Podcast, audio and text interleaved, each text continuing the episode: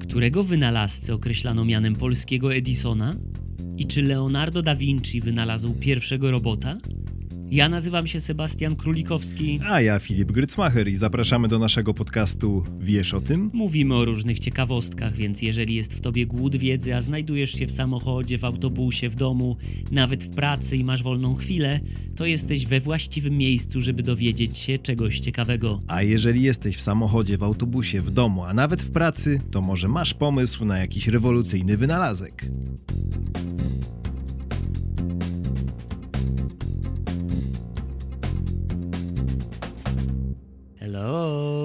Dzień dobry, dzień dobry. Co tam u was? U nas?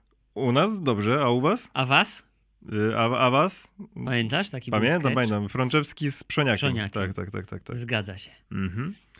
Ale my dzisiaj nie o aktorach. A o trochę autorach wielkich wynalazków. No bardzo nawet o autorach wynalazków, o wielkich wynalazcach ogólnie, tak jakby używając tego słowa. Więc Wynalazcy. taki odcinek e, o tym, co by było, gdyby nie ci panowie. Tak, Czyli nic by wielcy, nie było. wielcy tak naprawdę odkrywcy, wizjonerzy też, tak można ich nazywać.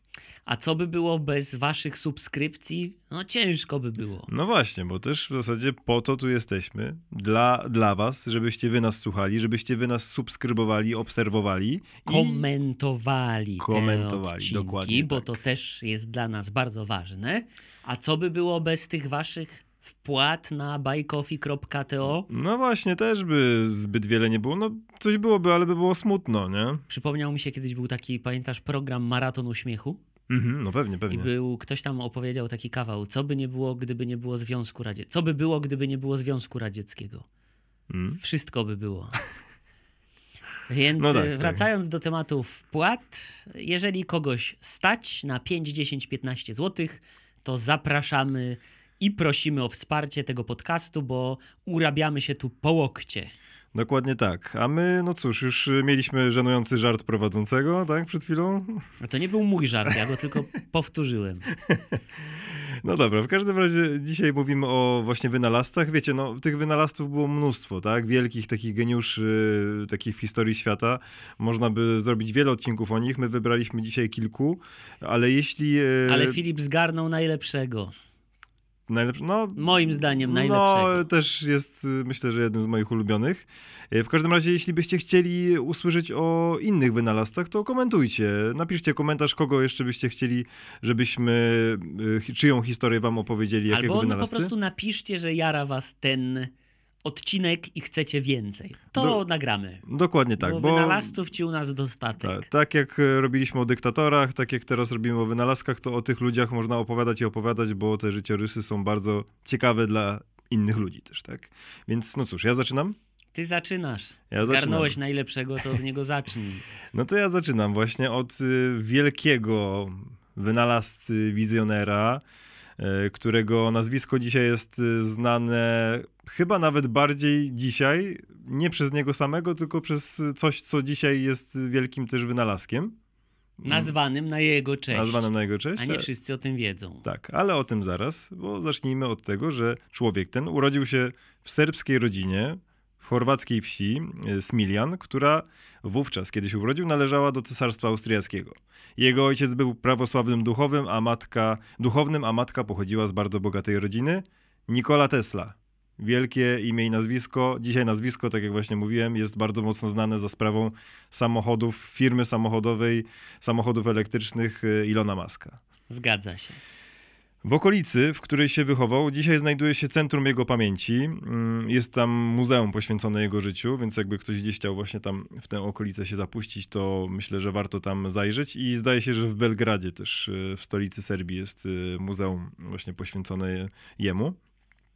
Jeśli chodzi o jego samego, o jego życie, to ojciec chciał, żeby on y, również wybrał drogę kapłaństwa. Jednak jego nauczyciel, który no, chyba musiał dostrzec jakieś właśnie takie te już ścisłe talenty młodego Nikoli, on y, postarał się, żeby właśnie Nikola otrzymał stypendium, dzięki któremu mógł zacząć studia na Politechnice w Gracu. Więc no już poszedł w tę stronę taką właśnie y, techniczną. I e, na tych właśnie studiach miał e, jednemu z profesorów przedstawić wyjątkowy i nowatorski projekt silnika. Jednak wykładowca, wykładowca podobno wyśmiał to, co mu przedstawił Nikola. I to miał być podobno jeden z, z powodów, dla którego zrezygnował ze studiowania na tej uczelni. Innym też było to, że podobno Mm, jednym z warunków tego stypendium, które otrzymał, e, było to, że będzie musiał odbyć ośmioletnią służbę w wojsku. No więc no, dosyć mocny warunek rzeczywiście. 8 lat wojsku, no to to jest w sumie rzeczywiście dla takiego człowieka, który chce jednak się poświęcić nauce, bardzo dużo. Mm, I kiedy rzucił te studia, no to zaczął się taki bardzo trudny moment w jego życiu. Wpadł w hazard, prowadził ogólnie takie no trudne i bardzo delikatnie mówiąc nieprzykładne życie. I wyobraź sobie w ogóle, że ze względu na włóczęgostwo został wyrzucony z Austrii. Austriacy nie chcieli go u siebie i został wydalony z państwa. Podobno rodzina się go wtedy no, wyparła i uznała go za taką czarną owcę, właśnie całej ich y, rodziny. Później miał epizod życia w Budapeszcie i właśnie tam w Budapeszcie miał doznać takiego, powiedzmy, objawienia. Bo właśnie y, był bardzo wkręcony w y, Fausta Goethego i tak bardzo, że nauczył się całego na pamięć i lubił go sobie recytować. I podobno właśnie w trakcie z jednej, jednej z tych recytacji miał mu się wtedy, miała mu się wtedy w głowie pojawić idea wirującego pola magnetycznego, co potem miało doprowadzić do prądu przemiennego, czyli jednego z jakby z najważniejszych jego odkryć. Pracował również przez jakiś czas we Francji i tam właśnie we Francji uchodził za takiego wybitnego speca od wszystkiego, do którego można było pójść z każdym problemem takiej natury właśnie e, technicznej.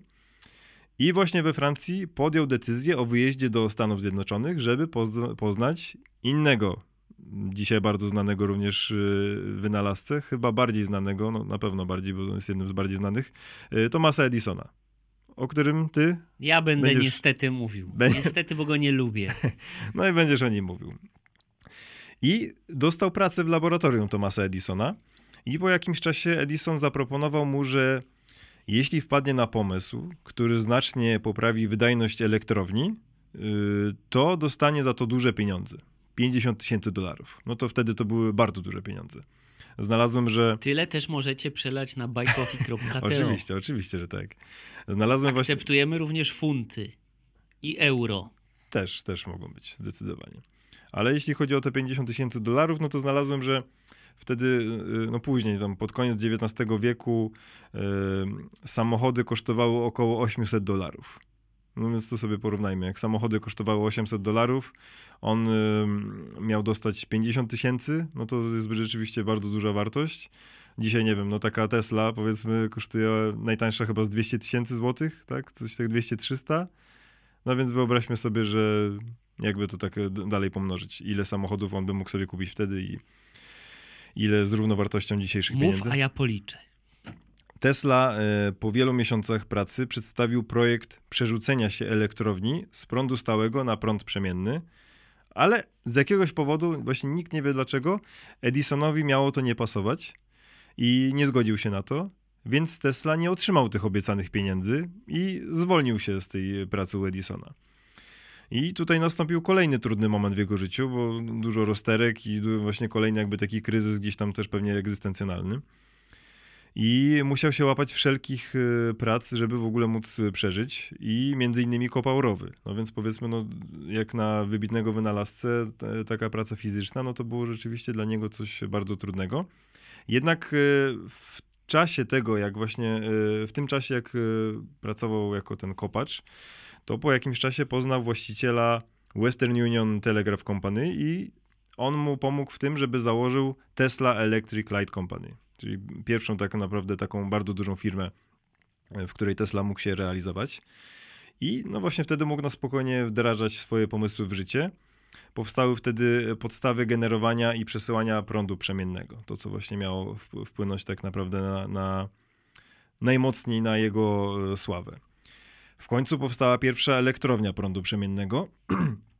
I e, jego instalacje stały się coraz bardziej popularne, a e, t- tak właśnie, że no, były coraz e, ważniejsze na rynku w ogóle amerykańskim, ale też potem e, poza Stanami Zjednoczonymi. A Edison zaczął atakować Teslę. Nie podobało mu się tak, że on zdobywa taką popularność, że te jego właśnie wynalazki. I e, e, robił taką propagandę anty właśnie Teslową, że prąd przemienny, e, że stosowanie prądu przemiennego jest niebezpieczne dla ludzi. No ale na rynku, no i na rynku film elektrycznych rozpoczęła się wojna między różnymi gigantami. Były różne zawirowania, kryzysy. Tesla jednak został okrzyknięty czarodziejem. Mówiło się, że nawet, że jest większy od Edisona w tamtym czasie. I właśnie elektrownie różne właśnie filmy ele takie elektroniczne, elektryczne wprowadzały te właśnie jego e, odkrycia. Mm, Pewien dziennikarz, Arthur Brisbane, napisał wtedy, że wedle teorii pana Tesli jest rzeczą pewną, że w przyszłości najcięższą pracą będzie wciskanie elektrycznych guzików. No więc w sumie patrzę na to, że to było plus minus 150 lat temu, no to nie pomylił się tak bardzo, nie? że rzeczywiście dzisiaj, no, e, patrząc na to, jak, e, ile jest tych urządzeń elektrycznych, no to wiele z prac tak naprawdę się tak powiedzmy zmniejszyło. Tak? Już rzeczywiście jest wiele zawodów, które no, polegają głównie jakby tak upraszczając na e, no, obsłudze komputera, tak, czyli przykład, w zasadzie no. kl- klawiszy, powiedzmy tak najprościej mówiąc, tak? Pomijając oczywiście całą wiedzę, która musi być, e, musi, która się za tym kryje. W każdym razie kolejną batalią Tesli była walka z Marconim. Marconi to jest ten, którego e, który ogólnie jest uznany za ojca radia. No właśnie jest uznany. No właśnie, jest uznany. I walczyli ze sobą o patent na radio, y, bo Marconi go ubiegł o kilka dni w, w zgłoszeniu do urzędu patentowego y, właśnie jego y, tego pomysłu na radio. I Tesla twierdził, że Marconi użył pewnej części, takiej e, cewki wysokonapięciowej, która miała wysyłać bardzo silne fale e- elektromagnetyczne. Y, Ta część była projektem Tesli. I właśnie Marconi miał tego użyć. Ale Marconi koniec końców dostał Nagrodę Nobla w ogóle za właśnie za stworzenie radia i Tesla podobno bardzo to wtedy uderzyło, że no on korzystał z jego teorii że to on otrzymał to ważne wyróżnienie, a nie właśnie sam Tesla. I co ciekawe, proces trwał i w końcu sprawa wylądowała w Sądzie Najwyższym yy, w Stanach Zjednoczonych i Tesla wygrał ten proces, tylko wygrał go już pośmiertnie. Więc powiedzmy, została przyznana y, y, Tesli y, racja w sprawie tego patentu na radio, ale no już to było po śmierci, więc tak. I to było w ogóle w trakcie II wojny światowej, więc chyba no to wtedy nie obeszło świata tak bardzo mocno, y, więc no ogólnie do dzisiaj cały czas jest Marconi uznawany za ojca No większość ludzi tak myśli. radia. Znaczy, no wiecie, tak naprawdę jak było, to też my do końca no, nie wiemy, no bo to jednak są jakieś tam przekazy, no tutaj powiedzmy dzisiaj się więcej mówi o Tesli, ale gdzieś tam no podejrzewam, że wielu wynalazców, jakbyśmy się zagłębili w ich historię, to nie jest tak, że oni sami opracowali coś, tak, tylko działał zastęp ludzi, albo też korzystali z cudzych y, y, pomysłów, więc no nie jest to na pewno jakaś oczywista, jasna sprawa. W każdym razie, jeszcze jedna ciekawa sytuacja miała miejsce w 1915 roku. New York Times ogłosił, że Tesla i Edison mają wspólnie otrzymać Nagrodę Nobla w dziedzinie fizyki. No i no to rzeczywiście poruszyło wtedy opinię publiczną. I rozmawiano i z jednym, i z drugim, ale y, obaj stwierdzili, że nie otrzymali żadnej oficjalnej informacji w tej sprawie i raczej tak no, taktownie się wypowiadali na swój temat y, pu- publicznie. Zwłaszcza Tesla mówił o Edisonie, że stworzył dużo takich naprawdę wynalazków bardzo ważnych. No jednak oni nie otrzymali tej nagrody i pojawiły się różne spekulacje. Jedna to miała być odmowa Tesli, który miał po- powiedzieć, że odkrywca nie może otrzymać nagrody wspólnie ze zwykłym wynalazcą, tak? uderzając właśnie jednak w Edisona. Inna wersja miała być taka, że to Edison odmówił, bo chciał pozbawić Teslę y, pieniędzy, których no, Edison totalnie nie potrzebował, bo on był już wtedy bogaty, a zdawał sobie sprawę, że Tesli by te pieniądze się przydały bardzo mocno. Fundacja Nagrody Nobla jednak nie potwierdziła żadnej z tych teorii, a- ale nie zaprzeczyli również, że ich kandy- kandydatury rzeczywiście były rozważane. Tesla, Tesla stworzył również, co ciekawe, pierwszego na świecie robota mobilnego. Więc on też stworzył podwaliny pod to, co dzisiaj no, staje się coraz popularniejsze, tak? Właśnie technika budowy robotów. Jeszcze z pozostałych rzeczy takich ważnych, które skonstruował, to również stworzył baterię słoneczną, prędkościomierz, transformator rezonansowy, silnik indukcyjny czy zdalne sterowanie w ogóle jakby też to jakby samo pojęcie chyba też zdalnego sterowania. I była taka sytuacja, że zaprezentował projekt małej, małej łódki zdalnie sterowanej, jednak e, nie rozwijał za bardzo tego pomysłu, bo podobno kiedy zaprezentował właśnie taką łódkę, e, do której jakby prezentacji potrzebował takiego dużego basenu, no to ludzie mu nie uwierzyli, że to on nią steruje. że jakby po prostu to dla ludzi wtedy było nie do pojęcia, no że jak, że on gdzieś tam ma jakiś pilot i że tym tak bezprzewodowo steruje, że to jest w ogóle jakaś ściema. No i właśnie, no to właśnie ciekawe jest to, że y, jest tak ważną postacią w ogóle dla świata nauki, w ogóle dla świata, a w zasadzie no dzisiaj już coś się o nim mówi, ale cały czas y, gdzieś tam nie jest to tak dużo, jak y, to na co zasłużył tak naprawdę, jeśli chodzi o jego odkrycia i o jego wynalazki. Pewnie poprawisz mnie, a może się mylę, ale właśnie niedawno oglądałem jakiś dokument taki, po prostu włączyłem telewizor przy jedzeniu i właśnie był dokument o Tesli. On chyba umarł w takiej, może nie skrajnej, ale w biedzie, jak e, na tak wielkiego wynalazcę. Tak, tak, tak, I tak. to, jeżeli dobrze pamiętam, tutaj duży e, nawias, cudzysłów, wszystko. On chyba walczył o to, żeby prąd był darmowy. Mhm. E, że, że to jakby jest tak ważne dla ludzi, że to powinno być za darmo i nie powinniśmy za to płacić. E, co mnie uderzyło, ale też wydaje mi się, jeżeli dobrze pamiętam z tego dokumentu, że współczesny silnik samochodów elektrycznych jest właściwie wynaleziony przez niego, że to jest Tak, kolejna tak, tak, jakby tak, tam tak. kopia Mhm. jego projektu. I to, co mnie w tym dokumencie uderzyło, że samochody elektryczne były wcześniej niż samochody spalinowe. Tak, tak, tak, no właśnie to też jest bardzo I ciekawe. dopiero Mhm. teraz wracają. Mhm. No to ja o Edisonie. No właśnie, którego- o jego konkurencie. Konkurencie, nie cierpię. Żadna przyjemność o nim mówić, ale z drugiej strony no też wielka osobowość. E, Thomas Alva Edison, urodzony w 47 w miejscowości Milan w Ohio. 1847. Tyś- A co powiedziałem? W 47. 1847. Tak, tak, tak. Nie Tak. w 1940. Nie. W XIX wieku. E, No i tu sobie napisałem wynalazca, ale czy na pewno? Mhm. No i teraz właśnie, czy na pewno? No niewątpliwie miał jakąś tam smykałkę i był geniuszem. E, Podobno w wieku 10 lat był już miejscowym, tam w swojej miejscowości, ekspertem od telegrafu i całkiem nieźle śmigał w tej materii. E, Tak, on już jako dziesięciolatek chyba gdzieś czytałem, że już No miał taką ważną pozycję w ogóle w swojej miejscowości. Tak, chyba, tak, tak, czy nie tak. powiedziałem, że miał 10 lat? No 10 lat No w tak, każdym tak, razie tak. miał. No, był dzieckiem. E, no. Jako nastolatek już był bardzo takim szanowanym operatorem tego telegrafu. Zajmował się również e, sprzedażą gazet. No i tu zrobię taki większy przeskok. E, 70, 1876 rok w Menlo Park on buduje takie laboratorium, które może być określane takim w ogóle miejscem, gdzie się tworzy różne wynalazki. Tam pracują ludzie. No i właśnie to jest to, że on nie jest sam. On, Dla niego pracują ludzie, między innymi Tesla, o którym wspomniałeś tak, już.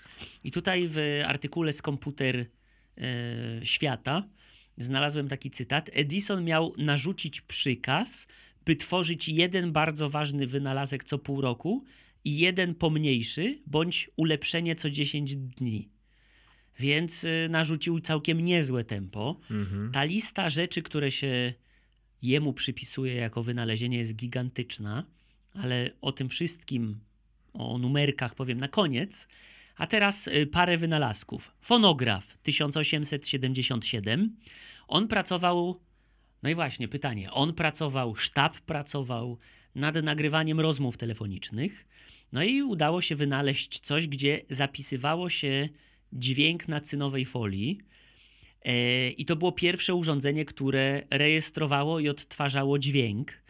Więc y, była to taka ówczesna Płyta jakby, nie? em, raczej poczta głosowa. Poczta, raczej nad poczta- tym, aha, nad tym okej, pracował, okej. żeby zapisać rozmowę telefoniczną. Mhm. Zapisał dźwięk, co czasami rozkminiam.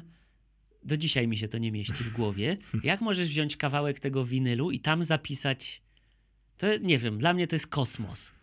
No, jest to bardzo specyficzne. No. Jak tak już się zastanowisz, nie? jakim cudem my mówimy do jakiegoś kija i to się gdzieś zapisuje i idzie dalej, no ale nieważne. E, I dopiero e, ten fonograf został potem wyparty właśnie przez płytę gramofonową, taśmę i tak dalej, i tak dalej. To, z czego Edison słynie najbardziej, to Żarówka. no właśnie, ale ni No cholery. ja nie mówiłem w kontekście y, Tesli o, o tym, bo to też jest dużo kontrowersji i no, myślałem, że to właśnie u ciebie będzie bardziej No temat rozwinięty, bo no tak. bo jednak Edison bardziej słynie z tej żarówki. Pierwsza żarówka to była żarówka naftowa Humphrey Davy 1802. Naftowa żarówka. Potem tu jest cała lista w ogóle ludzi, którzy tę żarówkę, taką już bardziej elektryczną, mogli potencjalnie wynaleźć. E, Marcelin Jobard, Robert Grove. No, ale takie nazwisko, do, co do którego nie ma chyba wątpliwości, to jest Heinrich Goebel albo Goebel, niemiecki optyk, który właśnie jest uważany za wynalazcę żarówki elektrycznej, e, dwie dekady przed Edisonem, 20 lat wcześniej. A Edison tę żarów, żarówkę ulepszył. E, sprawił, że była bardziej trwała, świeciła dłużej i ten czas świecenia podniósł z kilkunastu do kilku tysięcy godzin. I nie mogłem tego nigdzie znaleźć. Kiedyś to gdzieś od kogoś usłyszałem, więc może to jest jakaś plota, fake news, nie wiem co to jest. Ale podobno te żarówki edisonowskie były tak trwałe, że trzeba było pogorszyć ich jakość, żeby można było zarobić i je wymieniać, bo tamta by świeciła parę dziesiąt lat. Ale nie wiem, czy to jest prawda. W każdym razie to, co zostało po Edisonie, to to, że jest utożsamiany właśnie jako wynalazca. A druga rzecz, zastanawiałeś się kiedyś, jak wymieniałeś żarówkę, dlaczego gwint się nazywa E27 albo E14? Mm, w sumie nie No chyba. właśnie, przez Edisona. A, że E to od Edisona, tak? A, Tak, okej. więc gwint, tak zwany gwint Edisona właśnie, Mhm. również to jest, no właśnie to jest chyba główny jego wynalazek, jeżeli tak, chodzi tak, o tak, tak. żarówkę. Ale też właśnie Tesla e, stworzył coś, co się nazywało świetlówką. Mm, Też tam z tą świetlówką to są różne teorie, że s- byli tacy, którzy wcześniej stworzyli, ale powiedzmy, zdaje się, że ta świetlówka, którą e, znaliśmy później, czyli między innymi te takie, chyba te takie, wiesz, jak e, w szko- Jarzeniówki, tak? jarzeniówki w szkole na przykład, nie? Jak były, czy gdzieś tam w różnych właśnie jakichś pomieszczeniach, to, to też ma być raczej już taki właśnie wynalazek przypisywany Tesli. Nie? No więc właśnie. Em, I kontynuując ten romans z elektrycznością, e, pod koniec gdzieś XIX wieku Edison, JP Morgan, który go tam mocno chyba wspierał też właśnie w, w trakcie tych patentowania, Mhm. E, Jeżeli dobrze pamiętam, znowu musiałbym znaleźć ten dokument, to JP Morgan, ten od tego banku, właśnie wspierał, żeby ten prąd był płatny i można było na nim kosić hajs i trochę tam w tego Tesla godził. Więc Edison, Morgan, Spencer Trask i rodzina Vanderbiltów, o których mówiliśmy kiedyś w odcinku o milionerach, stworzyli przedsiębiorstwo Edison Electric Light Company, które dzisiaj nazywa się GE Electric.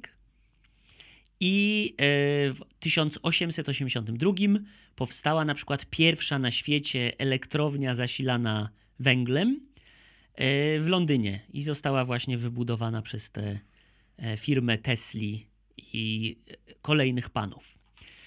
Edisona w sensie, tak? Tak, no, no, widzisz, no. ja tak o tym Tesli myślę, że... Tak, tak, tak. tak.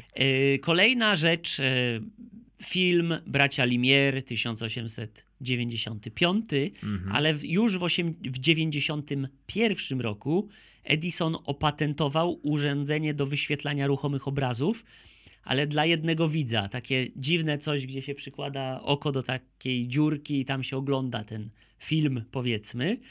Natomiast To takie coś chyba widziałem w Muzeum Techniki w Berlinie, mi się wydaje. a ja w jednym odcinku. Kaczora Donalda, do dziś to pamiętam. Ale y, to urządzenie w dużej mierze opracował William Kennedy Laurie Dixon w latach 89-92, właśnie w tym laboratorium Edisona. I opracowywał również kinetograf, czyli taką innowacyjną kamerę filmową. No i y, jest na YouTubie bardzo krótki film, który się nazywa Dixon Experimental Sound Film. I to jest najwcześniej zrealizowany film dźwiękowy właśnie w studiu Edisona. E, Dixon gra sobie tam na skrzypcach, dwóch kolesi tańczy, trzeci gdzieś tam chodzi, w, czwarty chodzi w tle. No ale właśnie znowu Edison projektor, e, kamera i udźwiękowienie filmu. No i mam takie info ze strony thomasedison.org. Edisonowi przyznano łącznie 1093 patenty w USA, a na całym świecie e, 2332 patenty. Można je podzielić na 8 kategorii: światło i moc elektryczna 425, fonografy i nagrania dźwiękowe 200, telegrafia, telefonia 185, baterie 145, górnictwo i tam coś związanego z rudą żelaza 50, e, rzeczy związane z cementem 40, filmy kinowe 10 i różne inne 50. No i do takiej listy wynalazków, za które Edison odpowiada albo jego ludzie odpowiadają, na przykład elektryczny długopis, y, elektrograficzny rejestrator głosów, y, jeżeli chodzi o y, głosowanie. O, o, o co? O głosowanie, że takie liczenie głosów. Aha, liczenie głosów, tak, okej. Mhm, elektroniczne tak, tak, tak, tak. czy elektryczne. Mhm. Y, telegraf automatyczny, generator prądu stałego, baterie alkaliczne, no i pierwsze na świecie studio filmowe, które się nazywało The Black Maria, Czarna Maria. Mhm. Więc trochę tych rzeczy było, no ale pytanie, czy to on wynalazł, czy ludzie, których zatrudniał? To już nie, no to na głębszy research i dużo bardziej, powiedzmy, rozbudowany odcinek. No właśnie to też jest pytanie, y, kto jakby powiedzmy dla świata y, z punktu widzenia historii jest ważniejszy, czy ten, kto rzeczywiście stworzył dany y, wynalazek, czy w ogóle wpadł na dany pomysł, czy ten, który sprawił, że świat y, to y, jakby otrzymał, tak, że to się rozeszło po całym świecie, tak, więc no to właśnie to, to jest też takie no dosyć ciekawe pod kątem takim moralno-historycznym powiedzmy, no. No ja mam teraz polskiego wynalazcę, bo właśnie to jest ciekawe, mm, smutne myślę strasznie, że bardzo mało wiemy o polskich wynalazcach i są takie nazwiska, o których w ogóle się w szkole nie mówi, o których poza szkołą się w ogóle nie mówi. Dzisiaj już czasem gdzieś tam się pojawiają w jakichś programach czy w książkach, ale przez długie lata byli naprawdę zapomnieni. Mm, Jan Szczepanik. Nazwisko, które kojarzy się raczej Z z piosenkarzem. piosenkarzem, tak. Tylko tam był Piotr Szczepanik, a tutaj jest Jan Szczepanik. I to był wynalazca, który właśnie. Ten, ten temat też trochę właśnie tutaj koresponduje z tym, yy, który był przed chwilą, bo on był nazywany polskim Edisonem, austriackim Edisonem, a także Leonardo da Vinci z Galicji. Urodził się w 1872 roku. W wieku 20 lat ukończył seminarium nauczycielskie i właśnie przez parę lat pracował w, w szkołach. Po paru latach jednak porzucił pracę nauczyciela i zaczął pracować w Krakowie w takim sklepie Stowarzyszenia Tkaczy. I y, tam opracował takie urządzenie fotograficzno-optyczne, które umożliwiało mechaniczne tkanie gobelinów. Czyli tak jakby mm, była nanoszona w pewien sposób y, grafika, była wprowadzana, która ma być y, w cudzysłowie wydrukowana, tak, wy- wytkana, no i potem właśnie to już było przenoszone na ten dany gobelin.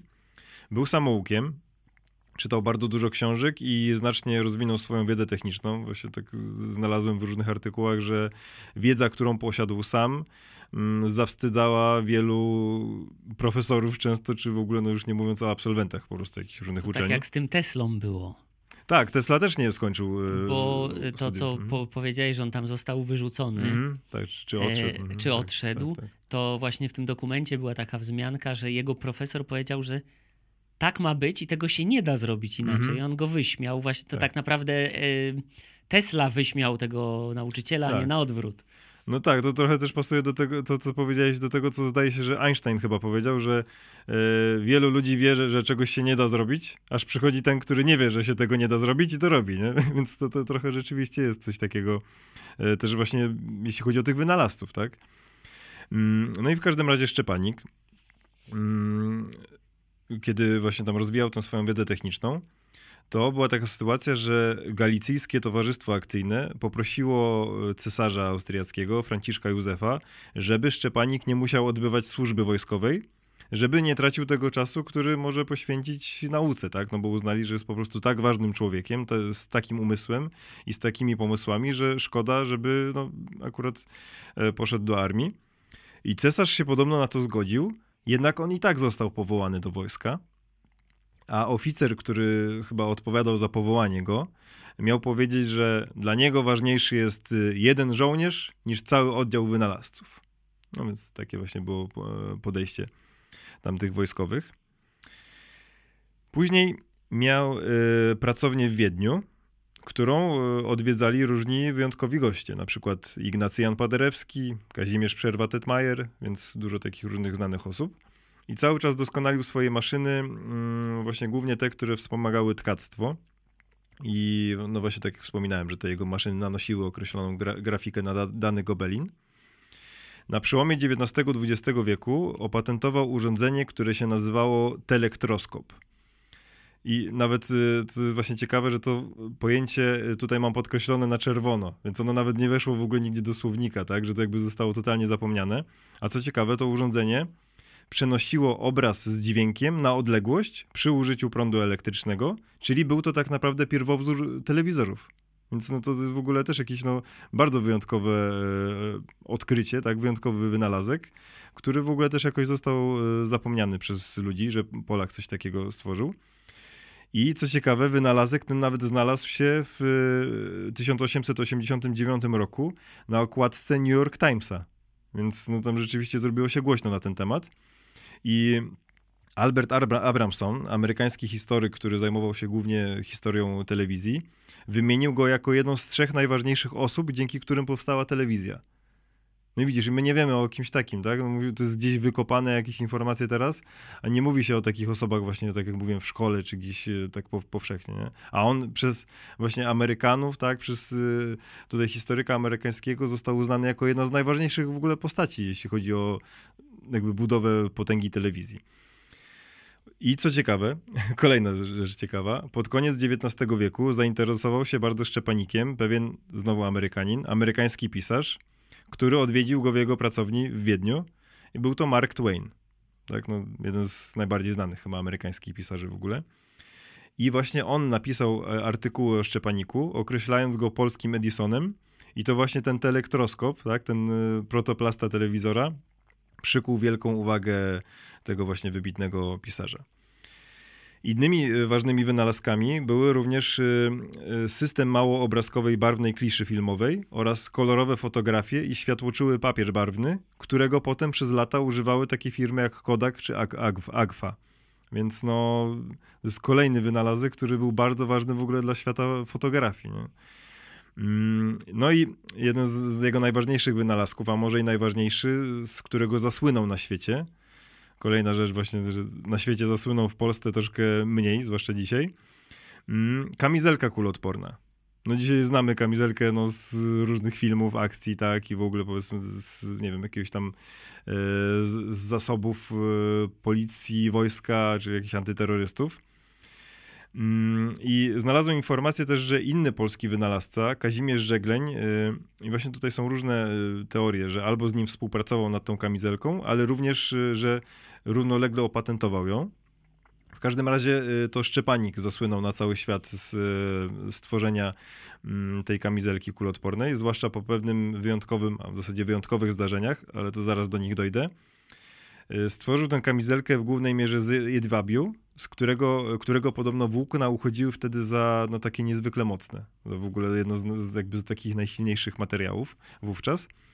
I testy wykaza wykazały, że chroni przed kulami, które przebijały nawet grube sosnowe deski, żelazną blachę czy ostrze szkieletu, a nawet y, później się okazało, że chronią przed y, strzałami karabinu, który przebijał stalową blachę o grubości ponad centymetra z odległości 100 metrów.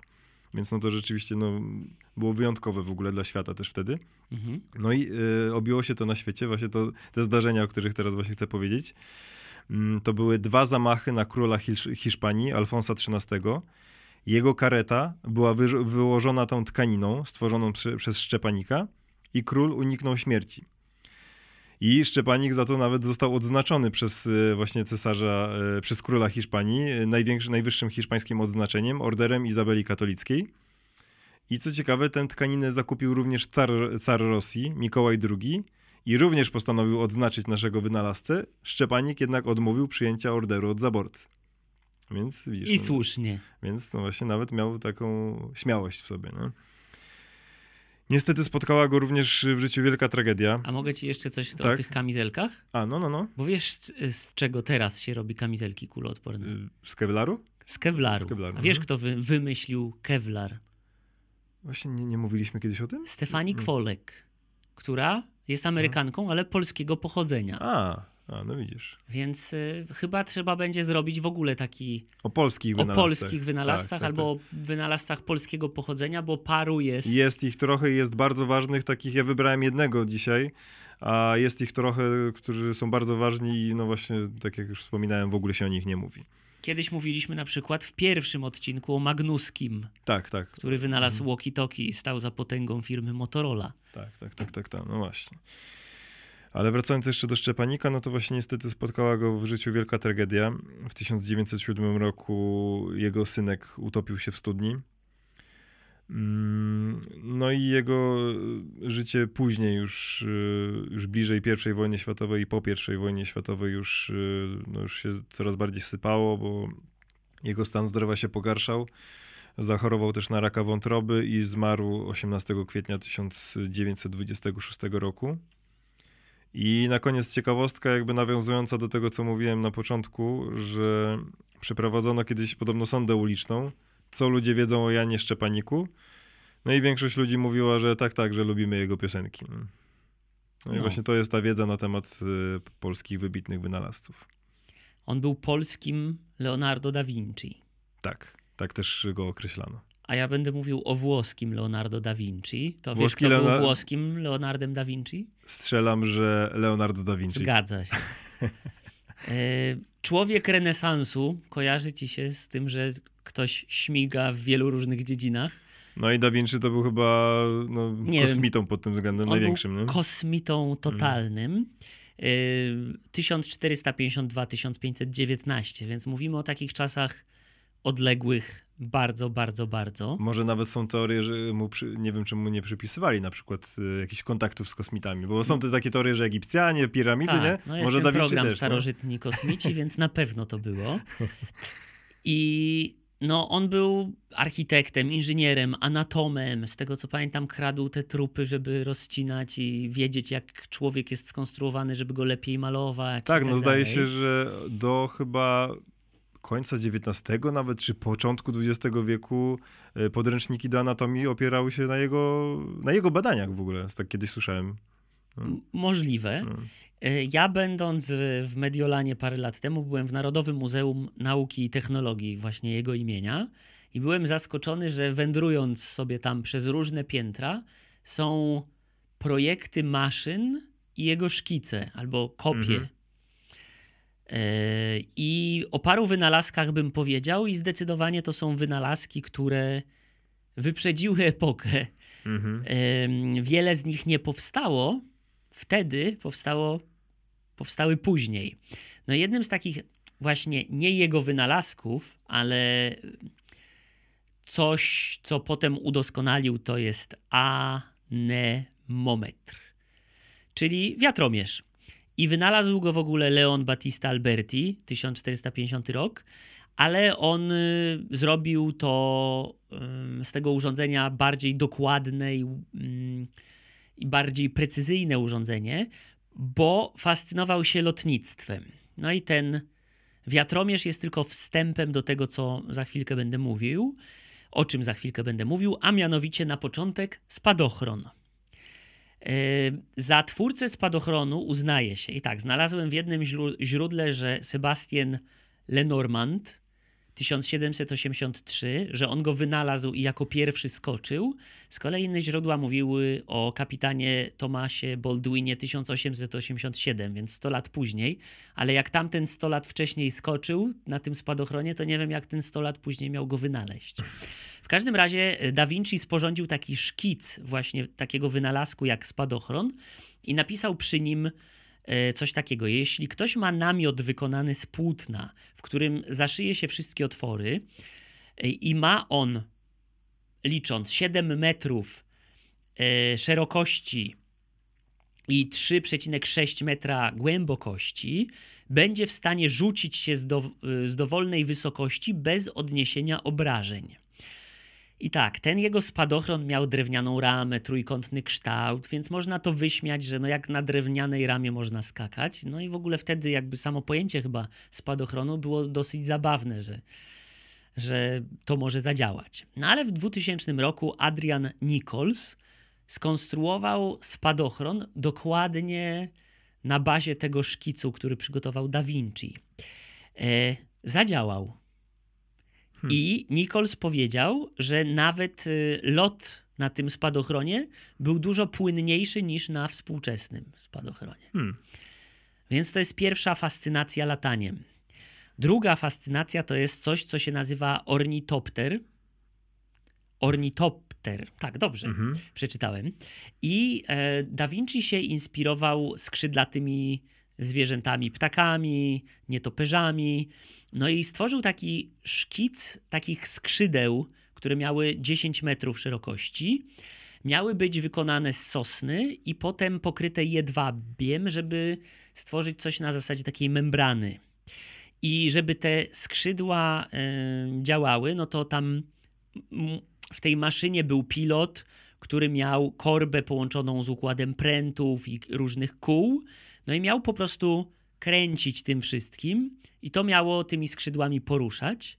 No ale to była za mała moc, jeżeli chodzi, więc prawdopodobnie gdyby ten jego szkic połączyć z jakimś już współczesnym silnikiem, to być może miałoby to rację bytu. Kolejna rzecz to jest coś, co można określić mianem śruby powietrznej, bo tak to się chyba nazywało, ale był to tak naprawdę coś e, na zasadzie współczesnego helikoptera. I jeżeli chodzi o szkic, to wyglądało to tak. Była to taka duża konstrukcja zbudowana na platformie. Był taki centralny słup i trzy ukośne elementy, które się tam spotykały. I było duże spiralne płótno, taki żagiel o promieniu 5 metrów, usztywniony, połączony jeszcze z innym. E, ten projekt przewidywał kilkuosobową załogę, też na tej drewnianej platformie. Tak więc to miało działać dokładnie jak taki helikopter. To się miało kręcić i to płótno, które tam wisiało, miało właśnie odpowiadać za to, że to się wznosi. E, notatki wskazują, że on zbudował takie małe modele tej śruby powietrznej ale nie było odpowiednich materiałów. Było drewno, które było wtedy zbyt ciężkie, no i siła też mięśni prawdopodobnie była za słaba. Natomiast w 2022 roku taki zespół inżynierów z University of Maryland zbudował na bazie tego projektu drona. I widziałem tego drona. Można go sobie obejrzeć. I ten dron działa. Mhm. I wygląda dokładnie jak ta śruba powietrzna zaprojektowana przez Da Vinci. No. I tak się kończy ta jego obsesja na punkcie latania, ale on też e, schodził pod wodę.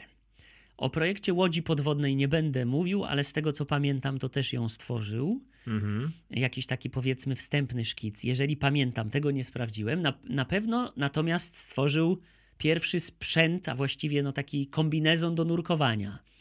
I był to skórzany kombinezon, który miał taką torbę, która była maską E, z tego były dwie rurki z trzciny cukrowej i one um, prowadziły jakby z tej maski na górę do takiego dzwonu, który był stworzony z korka.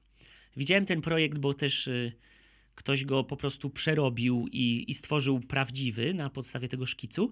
Jak rozumiem, powietrze przez te dwie rurki szły z tego dzwona, który się unosił na powierzchni. I y, on stworzył to coś, bo miał to być właśnie sprzęt do nurkowania, żeby atakować wrogie statki z pod wody. Mhm. Więc też jaki rodzaj myślenia w XV wieku, tak, tak, tak. żeby atakować inne statki z pod wody, no, no kosmita.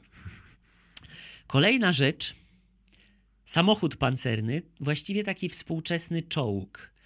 Widziałem projekt, wygląda to bardziej jak taki latający spodek UFO, E, kil, tak, rozległa platforma z kołami, które umożliwiają obrót o, 160, o 360 stopni.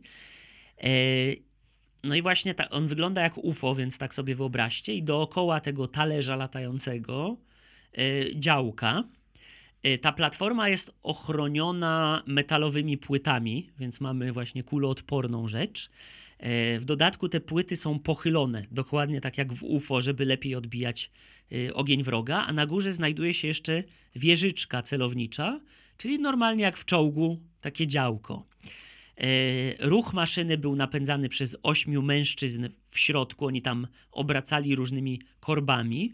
Podobno on myślał o tym, żeby to było napędzane przez konia, ale stwierdził, że koń albo konie są zbyt nieprzewidywalne, więc lepiej, żeby to napędzali ludzie. I te szkice wskazują, że tam była dosyć poważna wada konstrukcyjna, bo te korby obracały się w różnych kierunkach. Ale jest taka teoria, nie wiem czy prawdziwa, że on celowo to źle zaprojektował, bo był pacyfistą i bał się, że rzeczywiście ktoś ten wynalazek e, e, użyje do zabijania ludzi. No tak. No i ostatnia rzecz, która dla mnie była totalnym szokiem, wspomniałeś o tym Tesli, który stworzył coś ala robot. Mhm. No i on, Da Vinci, zaprojektował z myślą o konkursie w Mediolanie robota rycerza.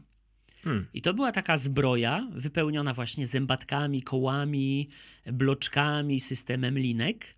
I podobno e, dzięki temu mechanizmowi ten żołnierz potrafił siadać, wstawać, poruszać głową, podnosić przyłbicę. Wow. No i y, Mark y, Rosheim w 2002 roku zbudował takiego robotycznego rycerza właśnie na podstawie tego projektu. Y, Mark Rosheim jest robotykiem Mhm. i zauważył podobno, że jak Da Vinci zaprojektował tego robota rycerza, to zrobił to tak, że tam nie było ani jednej niepotrzebnej części, że wszystko było dokładnie tak wymyślone, Hmm. że działało precyzyjnie i podobno Rosheim wykorzystał projekty właśnie Da Vinciego jako inspirację dla robotów, które opracował dla NASA. Nieźle. No, Wow, no nie, naprawdę. no to tyle. No to proszę, proszę, no właśnie, no właśnie, to są wynalazcy, o których, y, o tych samych czterech, o których mówiliśmy, moglibyśmy pewnie mówić i mówić, nie mówiąc już o innych, o tych, o których dzisiaj nie mówiliśmy. Ale jak chcecie, żebyśmy o nich powiedzieli, to wrzućcie jakiś komentarz. Chcemy więcej. Zróbcie odcinek o wynalazcach albo o polskich wynalazcach, Tak. bo ich mamy masę. Niekoniecznie działali w Polsce, emigrowali do różnych krajów, a to wojna jedna, a to druga, a to rozbiory, ale jest Dokładnie. się czym pochwalić. Zdecydowanie tak. No myślę, że na pewno zrobimy odcinek o polskich wynalazcach. Mm, A wy na pewno możecie zostawić komentarze, możecie nas zasubskrybować, zaobserwować na Instagramie, gdzie wrzucamy dużo kontentu, albo możecie nas wesprzeć. Kawką. 5, 10, 15 zł buycoffee.to. Link macie w opisie odcinka. Będziemy bardzo wdzięczni, bo tak naprawdę robimy to dla Was i róbmy to wspólnie. Jasne. A tymczasem bardzo Wam dziękujemy za ten kolejny odcinek i do usłyszenia w następnym odcinku i do usłyszenia we wszystkich innych, których może jeszcze ktoś nie słyszał. Pa pa! Cześć.